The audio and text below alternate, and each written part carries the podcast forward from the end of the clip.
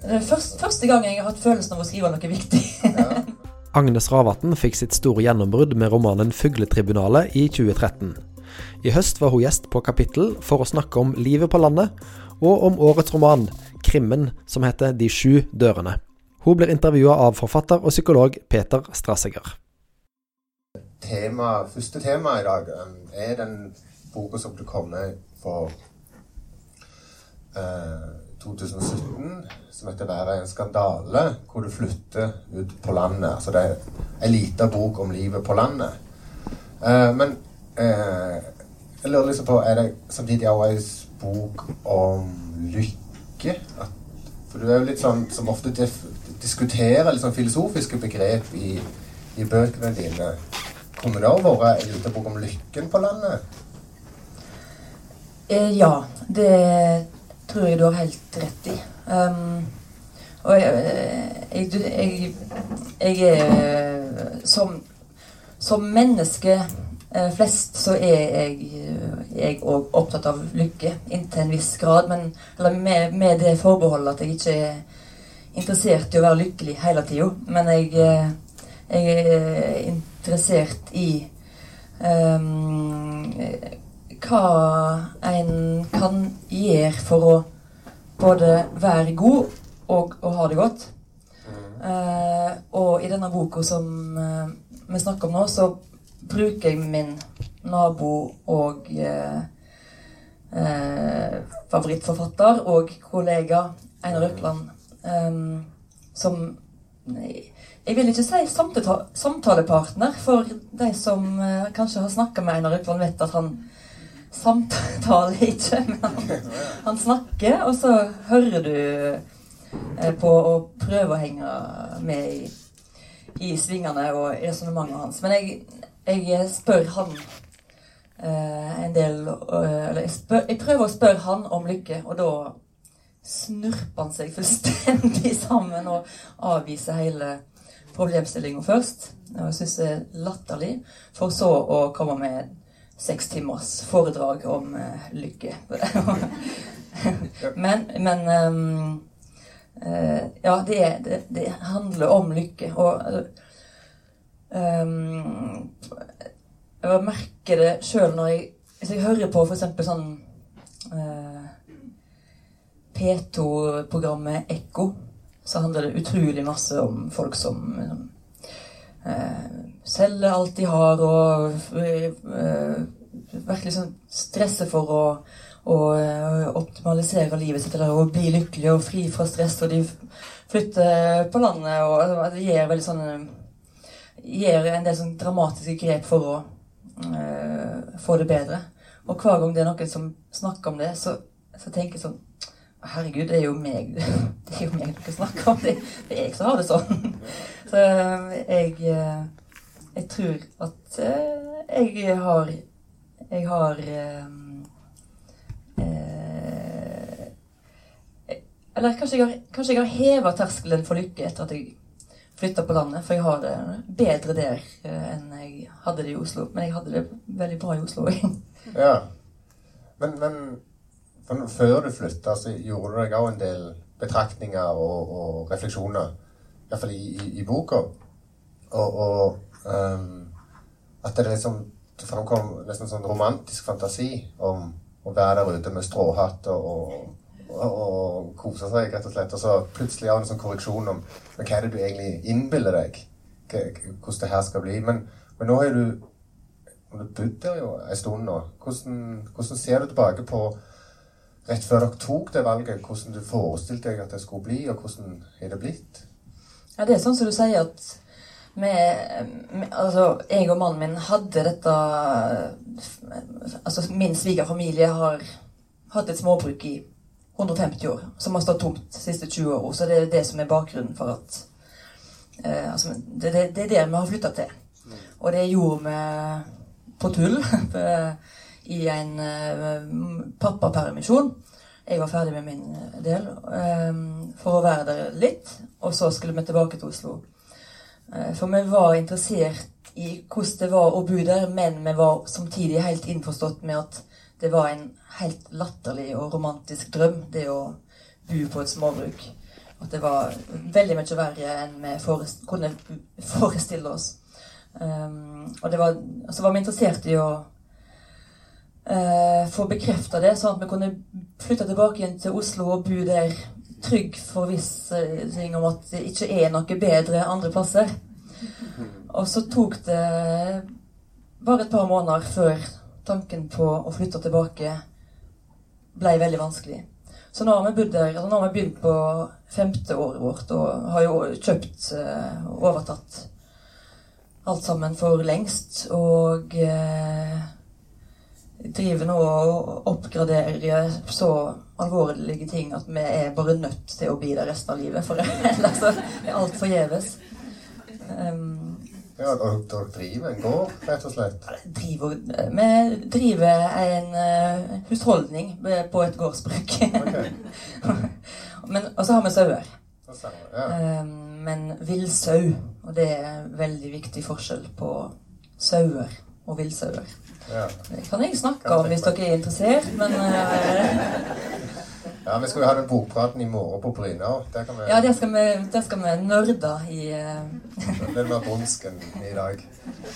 Um, men du, du flytta fra, fra, Oslo etter å ha bodd der ganske lenge. Og så um, Det virka som det at var det for å studere eller jobbe, eller um, Det var liksom sånn strukturelle karrieremuligheter, og sånne ting som gjorde dere flytta der. Men mens det å flytte på landet var litt, virka liksom var litt mer sånn både eksistensiell søking og, og litt sånn tilfeldigheter. At dere var der. Um, var det liksom noe dere trengte, eller var det liksom Ble det litt tilfeldig òg? Eh, det var litt tilfeldig, og så var det en um altså, altså som, som, jeg sa, så var det et lite eksperiment som vi begge trodde vi visste utfallet av. Men så var det òg um, altså, Jeg skrev en roman som heter 'Fugletribunalet'. Og det var i 2013. Og den handler om ei som flytter på, på landet fordi hun er eh, sexskandalisert. Og det var ikke min eh, bakgrunn for å flytte til sier jeg i alle fall. Men øh, når jeg skrev den boka, så måtte jeg jo gjøre veldig masse research, rett og slett. Fordi jeg hadde ikke bodd på landet på øh, 15-20 år.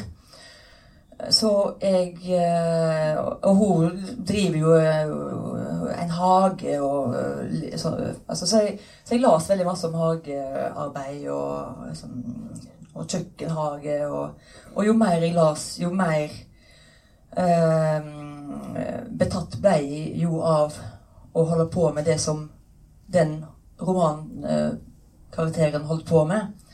Eh, så plutselig sånn i feriene når jeg var hjemme hos foreldrene mine og hos svigermor, sånn, så, begynte jeg, så gikk jeg alltid ut og begynte å luke. Omtrent før vi hadde satt fra oss. Vi hadde ikke noe hage akkurat i en kan ikke bare begynne å spa i en nærmeste park uh, i Oslo. Så, og, og, det, og, det, å få sånn jord under neglene som jeg egentlig aldri hadde hatt før, det var uh, merkelig berusende. Eh, og så avskrev jeg det for så vidt også sånn typisk sånn Eh, begynner eh, altså, å, å, du tror du holder på med noe eh, basalt, og du kommer i kontakt med det autentiske. Så flott for deg, men get real. Men det har fortsatt. Jeg er Hagen min ser ikke ut sånn, men jeg er veldig opptatt av hage. hage og, og, eller, jeg er opptatt av å grave. Det er vel egentlig det, der det ligger. Krafsa og trau, det er mine favorittredskaper. Ja, så Flytta jord. Flytta jord, ja. Det var skikkelig jord, jordbruk. Men ja, så På en måte så høres det ut som litteraturen foregrep litt livet. Litt. Ja, egentlig. Uh, ja. Ja, for det er noen likheter mellom Alice og, og Agnes Ravatn i den Begge søker bl.a. den der 'vær sjølforsynt'. Men det var vanskelig i begge tilfeller, er det ikke det? Ja, nei, jeg, jeg har ingen illusjoner om å være sjølforsynt. Virkelig. Uh, og hun, men hun ønsker å være det sånn at hun kan slippe å gå på den ekle butikken. Så, ja. men, men um, hun søker mot eh, Altså, hun er jo i, en eksistensiell krise og søker mot eh, Hun prøver å strippe vekk vel, så, så masse som mulig av eh, kulturen og det, det falske, eller det hun oppfatter som det falske, og prøver å nå ned til noe som hun håper skal være autentisk i seg sjøl, og som hun frykter ikke er der. Um, uh, og, og, helt der er ikke jeg, men, men um, for meg så Det å bo der som jeg bor nå Så jeg har jo et takknemlig yrke til dette. Så jeg, jeg kan bo hvor jeg vil, men det passer ekstremt bra å være forfatter og kunne veksle mellom å sitte helt stille og, og skrive og å kunne gå rett ut og gjøre noe fysisk, og så tilbake altså, Og så tenke mens, mens, jeg flytter jord, og så gå inn igjen og, og forhåpentligvis ha fått noen nye ideer. Og så er det veldig mm, ideelt uh, for meg, men, men uh, hele familien har det Det er jo en uh, Det er et annet tempo. Altså alle, ikke alle, men de fleste klisjeene stemmer. Og det, jeg bare tenker på så Nå er jeg jo stort sett hjemme, og så reiser jeg til Oslo i går. Uh, og, det, og, det, slår meg nå hver gang jeg går av flytoget, så blir du så, helt slått av den derre strømmen av øh, velstand. Og det ser du på klær og hår og hud og væske og alt. Det er så Og så hadde en glemt at Å, sånn var det, ja. Og alle er tynne. Og alle, altså det er, sånn, så, det så strigla, og du skal ikke veldig langt ut av Oslo sentrum før det ikke er sånn, og variasjonen er litt større og sånn, men så, eh, den eh, mangelen på ressurser mm. som er på bygda eh, Altså jeg, Og misforstå meg rett, da, men, men, det er mer ressurssvakt rent materielt og ikke intellektuelt. Men, men det, er, det gjør noe med samfunnet og med tempoet og med ambisjonene. Uh, og med ungene, tror jeg. Altså ja, um, Nei, altså Der vi flytta fra Jeg bodde på Briskeby i Oslo, som er på grensa til Frogner. Så det er jo både kulturell eh, kapital og økonomisk kapital. Og, og det er eh, makt og altså det, det, er alt. Og det er Og der eh, Der er det så mange prosjekt. Altså du sjøl er et prosjekt, og leiligheten din er et prosjekt, og bilen din og ungene dine er et prosjekt. Og alle de fritidsaktivitetene som eh, de ble frakta i skytteltrafikk fram og tilbake til. Og sånn er det ikke der jeg bor, for der jobber foreldrene veldig ofte skift, og de jobber natt og, og dag om hverandre. Og, og ungene må altså, kan ikke bli kjørt her og der. Og det, og det er en, eh, en helt annen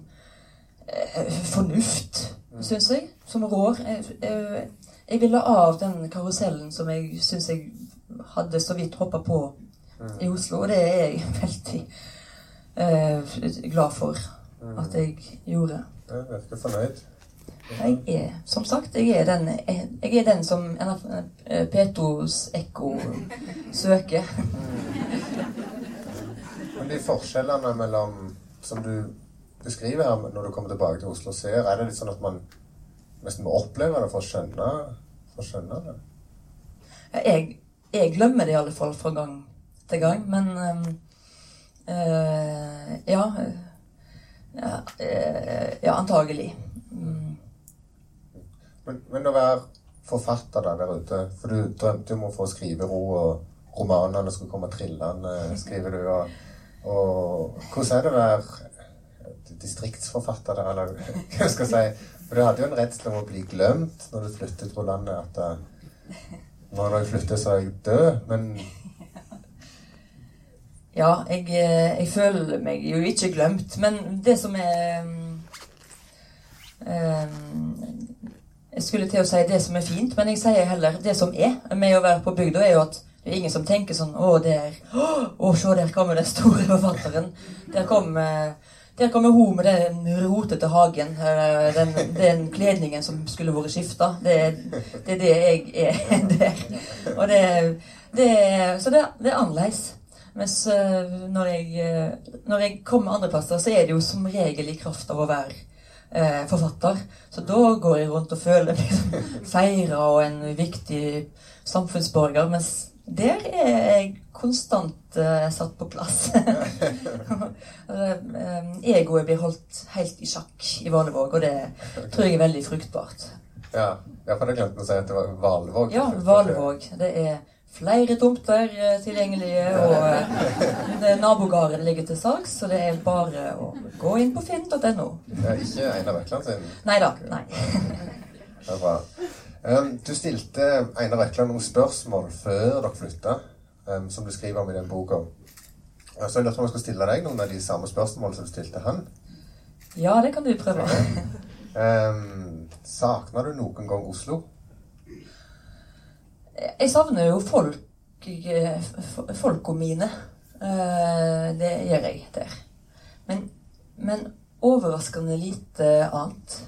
Ville du komme til å skrive andre ting det som blitt buende i Oslo? Eh, Ja, kanskje. Kanskje jeg føler meg litt friere til å skrive krimromaner, som jeg har gjort denne gangen, enn hva jeg hadde Kanskje jeg hadde fortsatt å være så jålete som jeg var når jeg eh, bodde i Oslo. Ja. Um, så det var ikke skada karrieren din at du flytta? Spør, hva svarte han på det? Ja, jeg husker ikke. Ja, nei, ja, du har jo ikke bok Nei, nå husker jeg hva han svarte. Jeg spurte ja, jeg spurte om, om det hadde skada karrieren hans. Så sa han eh, ja, men jo, men ikke negativt. Ja, det er fint. Det tar vi som et godt svar. Men det, så jeg, jeg svarer det samme, jeg, da. Ja. Ok. Um, dere, både du og Einar Økland er veldig opptatt av penner. Penner og mm, papir. Det må være en god match der. Um, og du bruker det litt sånn I hvert fall du til å utsette skrivinga for å finne den rette måten å skrive på. Um, og så skriver du Det la jeg merke til at blir spissen for rund og for mild, så føler en seg som langbein. Og når en skriver, når en skriver og innholdet blir deretter, er det litt sånn at du tenker at det du skriver og det du jobber med, blir liksom prega av pennen eller omgivelsene rundt forbi?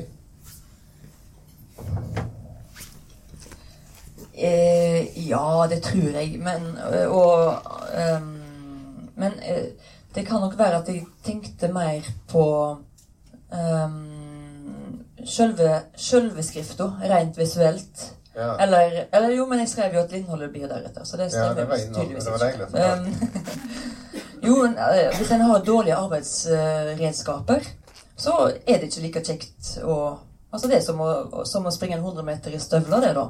Det, så en må jo ha, en må ha gode arbeidsvilkår. og En kan ikke ha en øh, datamaskin som der tastene er vanskelig å trykke ned og sånne ting. Så, så altså, jeg tror ikke frustrasjon er den beste kilden til kreativitet. Nei. Det er bedre at ting går altså Alt det der som egentlig bare skal gå glatt, det er best at det går glatt. Så de sju dørene, det er en av de bøkene du har skrevet nå mens du har flytt, etter du har flytta. Ja.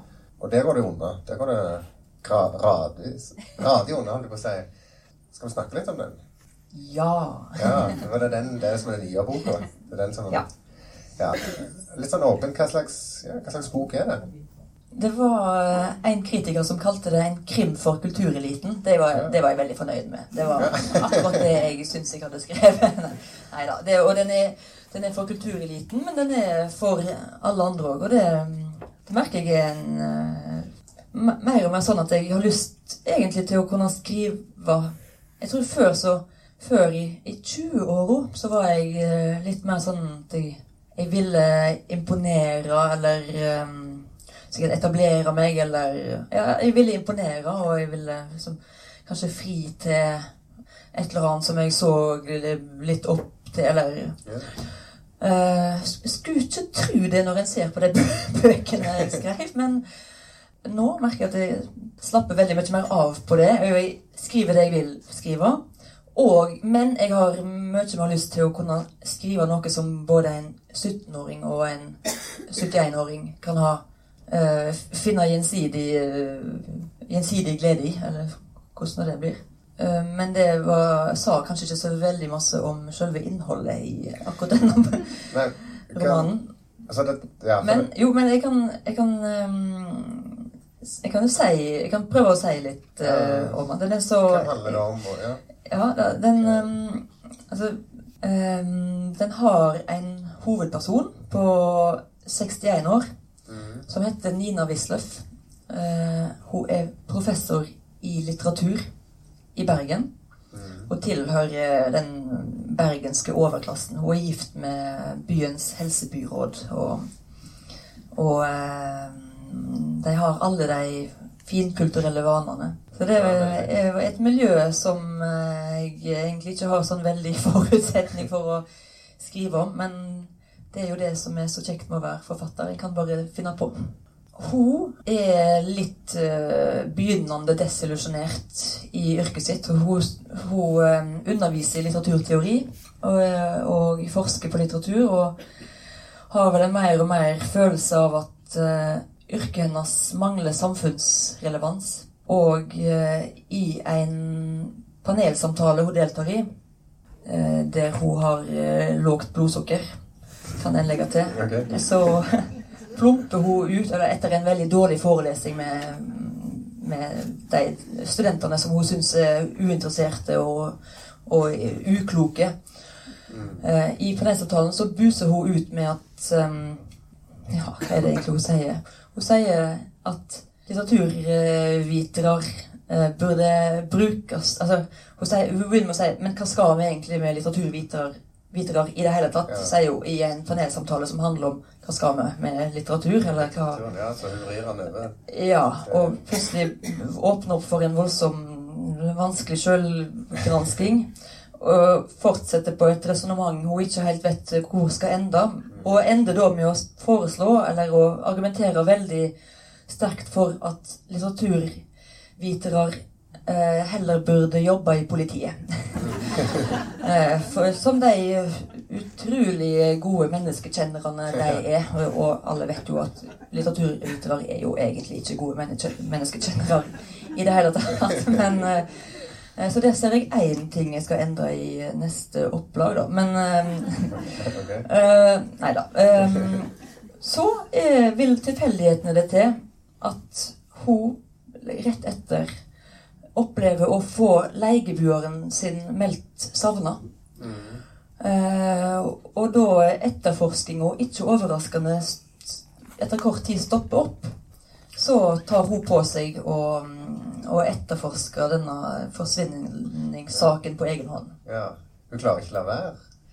Nei, altså først så er det egentlig Tror jeg hun gjør det for å, for å um, uh, frikjenne seg sjøl, for hun mistenker hun mistenker først seg sjøl for om hun kanskje har noe med den forsvinningen å gjøre, og med god grunn. For, for Ja. hun og eh, hennes veldig ubehagelige datter eh, invaderer eh, denne leiebueren, som er ei alenemor. eh, i 30 år gammel ale- alenemor. Eh, de invaderer henne. Eh, Ja, for de vil ha hus eh, de vil ha huset. De vil ha henne ut, sånn at dattera kan flytte inn. For dattera har fått skjeggkre. Ja. ja, hun skal få en unge. Hyperaktuell roman. Altså Etter hvert så Jeg skal ikke røpe liksom, hva som skjer, men hun gir seg ikke med det første. Hun er ikke en sånn som nødvendigvis vil etterforske, men samtidig så klarer hun Så må hun liksom fortsette. Ja, det er jo det at hun etter hvert som, eller som, som eh, politiets etterforsking stopper opp, eh, så begynner hun sjøl å Syns hun iallfall Oppdager stadig nye spor som eh, hun mener det er verdt å etterforske. Eh, og, og vikler seg egentlig mer og mer inn i det. og eh, oppsøker familien, og de i sin tur oppsøker hun, for de, hun selger seg liksom litt inn som en Eller ja, som en som de kan kanskje eh, sette sin lit til, der politiet svikter. Så hun til slutt så ja, Hun vikler seg eh, mer og mer inn i, i saken, da. Uh, uten at hun kanskje Eller ikke kanskje. Uten at hun aner konsekvensene av det. Og så oppsøker politiet på et tidspunkt òg og vil gi dem litt sånn tips og råd, omtrent. Ja, det, det gjør hun. Og det kommer sånn halv, halvgodt ut av det, vil jeg si, i det, i det møtet med politiet. Og så Mange anmeldere har vært ganske opptatt av dette, at hun er litteraturviter. Og jeg må innrømme, når jeg leste boka, så var ikke det et sånn stort nummer for meg at hun var litteraturviter. Men de, akkurat som de, de er vel an, Anmeldere er vel stort sett litteraturvitere sjøl? er jo, det er jo bare derfor. Ja, så det er et lite agn til deg, kanskje, som de beit på. Ja, åpenbart. Ja, Tittelen, da? Hva er De sju dørene? Ja, det er um, Det viser til et eventyr som heter Ridder Blåskjegg. eh, og som er et av eh, Nina da sine veldig eh, heite spor i det. Altså denne, denne forsvunne legebuaren eh, viser seg å være en Eller å ha vært en veldig, veldig talentfull Altså, altså et vidunderbarn med en helt lysende karriere som fiolinist foran seg. Før hun plutselig ender opp i en liten leilighet eh, sammen med et uh, barn som ingen vet hvem uh, er far uh, til. Eller Hvem som er faren til det barnet. Så hun begynner, hun begynner jo der. Hvor, hva var det som skjedde med, med denne, dette lovende talentet sin karriere? Hun oppsøker bl.a. da eksmannen hennes, som er dirigent, og som eh, setter opp Altså 'Ridder Blåskjegg' er et eventyr som òg har blitt skrevet om til en opera av Bartok. Eh, og den setter eh, denne dirigenten opp og, eh, eh, som en som en hilsing til sin ekskone. Eh, og for de som For de av dere som kjenner til eventyret, som er et helt forbløffende grotesk barneeventyr eh, med så halshogde kvinner som blir hengt opp på kroker. Og det, og det var, var eventyr for barn, for, å- for å skremme barn fra å eh, mm, putte nesen sin eh, bort i ting de ikke hadde noe med. Og det syns hun jo er eh, oppsiktsvekkende. At, at eksmannen eh, setter opp en grotesk konedrapsopera som en slags eh, omasje til, til denne eh, kvinna som straks etterpå forsvinner. Eh, og det er òg dette det er veldig prekært for henne å informere politiet om. Og, og det viser seg kanskje at det ikke var helt uh, nytt for deg, da. Men Ja, de visste om det. Ja. De hadde vært bort Ja, ja, det. visste hva de sju dørene var. og... ja da. Det. Og politiet er mer enn bare politi, sånn som hun tror. Men ja, det er dette som syns jeg var veldig Jo, altså, og de sju dørene spiller da på librettoen til eventyret. Der det er en kvinne som gifter seg med da ridder Blåskjegg, som ikke er en veldig sjarmerende person, men han har en voldsom rikdom. Eh, så, og han har vært- gift mange, mange ganger før. Og det, det syns denne kvinnen bare er et godt tegn, for ja, men da er han jo tydeligvis eh, ettertrakta. Men eh, i, det, i denne borgo som hun flytter inn i til Ridder Blåskjegg, så er det da sju låste dører som hun insisterer på å åpne opp for å slippe mer lys inn i borgo. Og angrer vel mer og mer på at hun åpner de dørene. mm. For, for eventyr er en måte litt til for å fortolkes. ikke sant? At man skal legge noe i det og bruke det til å forstå seg sjøl eller sin situasjon. Og jeg føler liksom det er det du gjør ganske mesterlig i denne boka her. At du blander sammen de ulike tematikkene. Både uh, de sju dørene med Ridder Blåskjegg. Um, du bruker mye fra altså Ødipus-drama. Du bruker en del fra psykoanalysen og historien.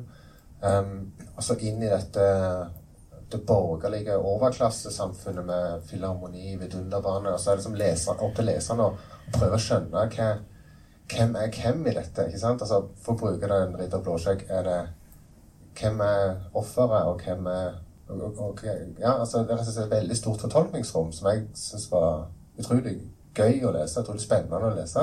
Krim for kultureliten, som sagt. Ja, kanskje det. kanskje det. Men jeg syns ikke det var så veldig opplagt hvem som skulle være hvem som hadde gjort det. Men det, det er mye humor òg i, i krim, denne boka her. Men så er det ganske mye alvor òg som ligger i bånn. Um, har du lyst til å snakke litt om, om det? Ja, absolutt. Det, ja, det, det, er, eh, det, er, mest alvor, ja, syns jeg. Og det, det er skrevet og ment som en alvorlig historie. Altså, så, så, det som er av humor, kanskje dreier seg mer om ja, at jeg kanskje framstiller denne overklassen da på litt um, ja, jeg, vet ikke sjøl helt hva som er humoren, egentlig. Men, eh, men jeg vet, jeg vet iallfall hva som er alvoret. Ja.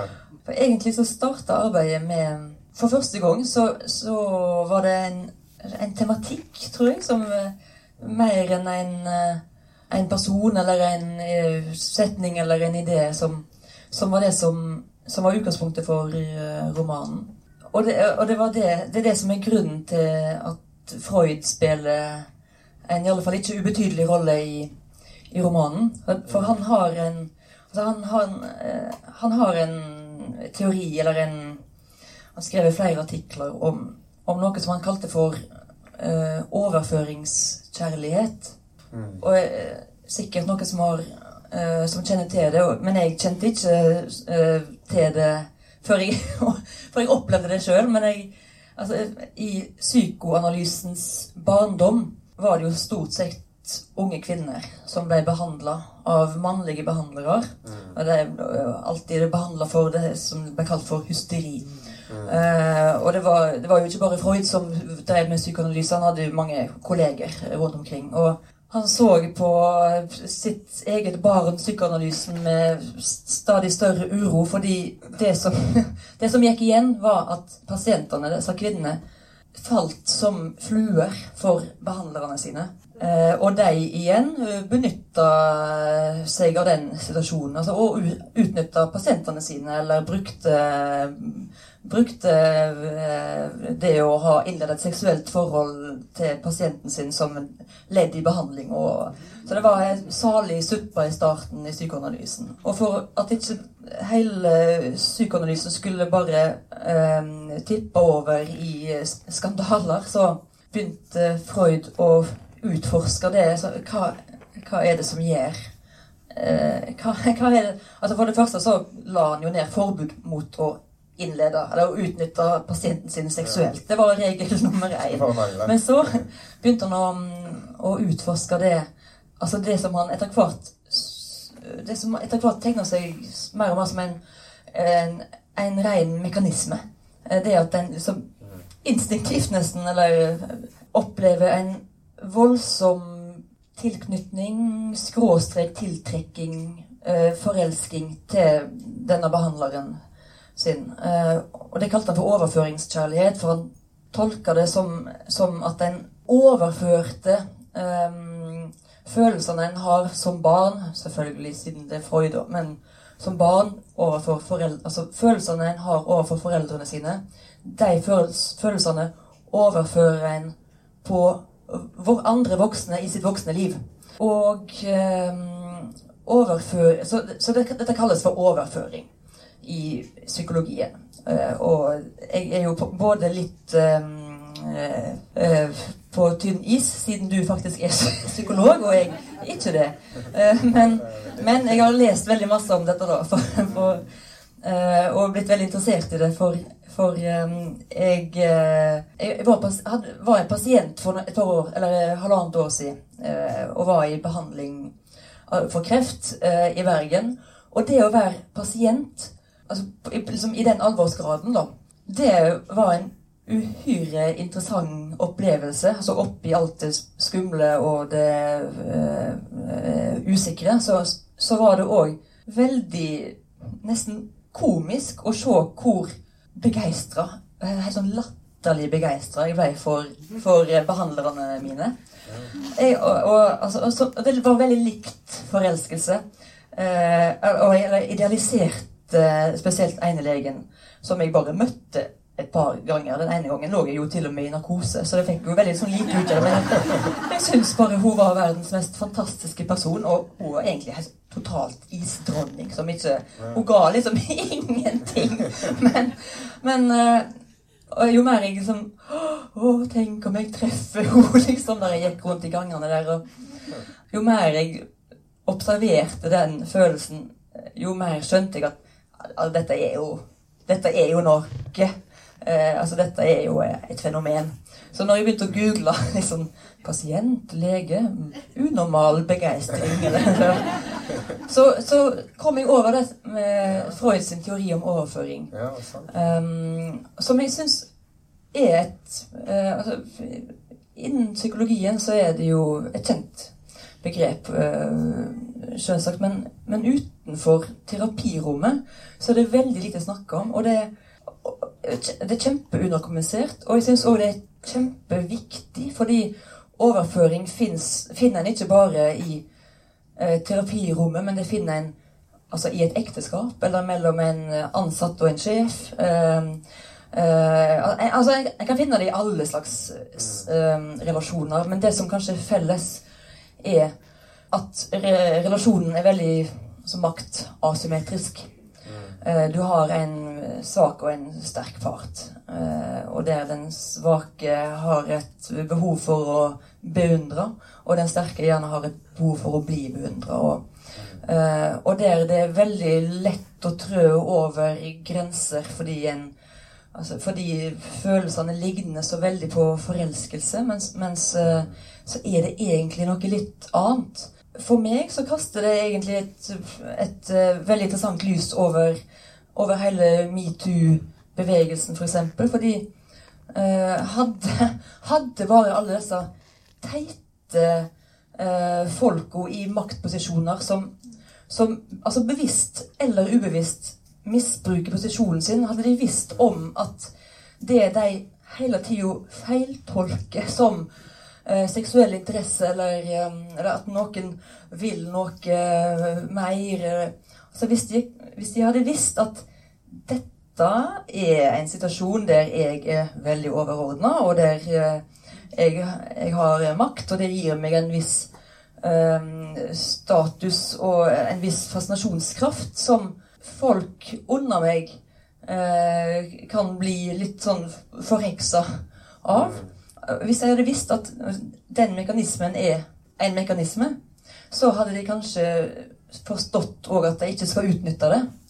Og det samme med de som, som er i den, den, den svake posisjonen. Så det er jo det er helt normalt å eh, beundre eller å idealisere eller å ja, se opp til, og òg være litt sånn småforelska i en, eh, en, sjef eller en eh, professor eller en lærer eller en trener eller en eller annen person som, som både bestemmer over deg og skal passe på deg litt på samme tid.